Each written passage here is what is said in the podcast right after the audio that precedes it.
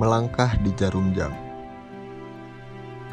Berjalan bersamamu menjadi rentang waktu yang gegas bagi sepasang tangan kita yang rindu setiap waktu.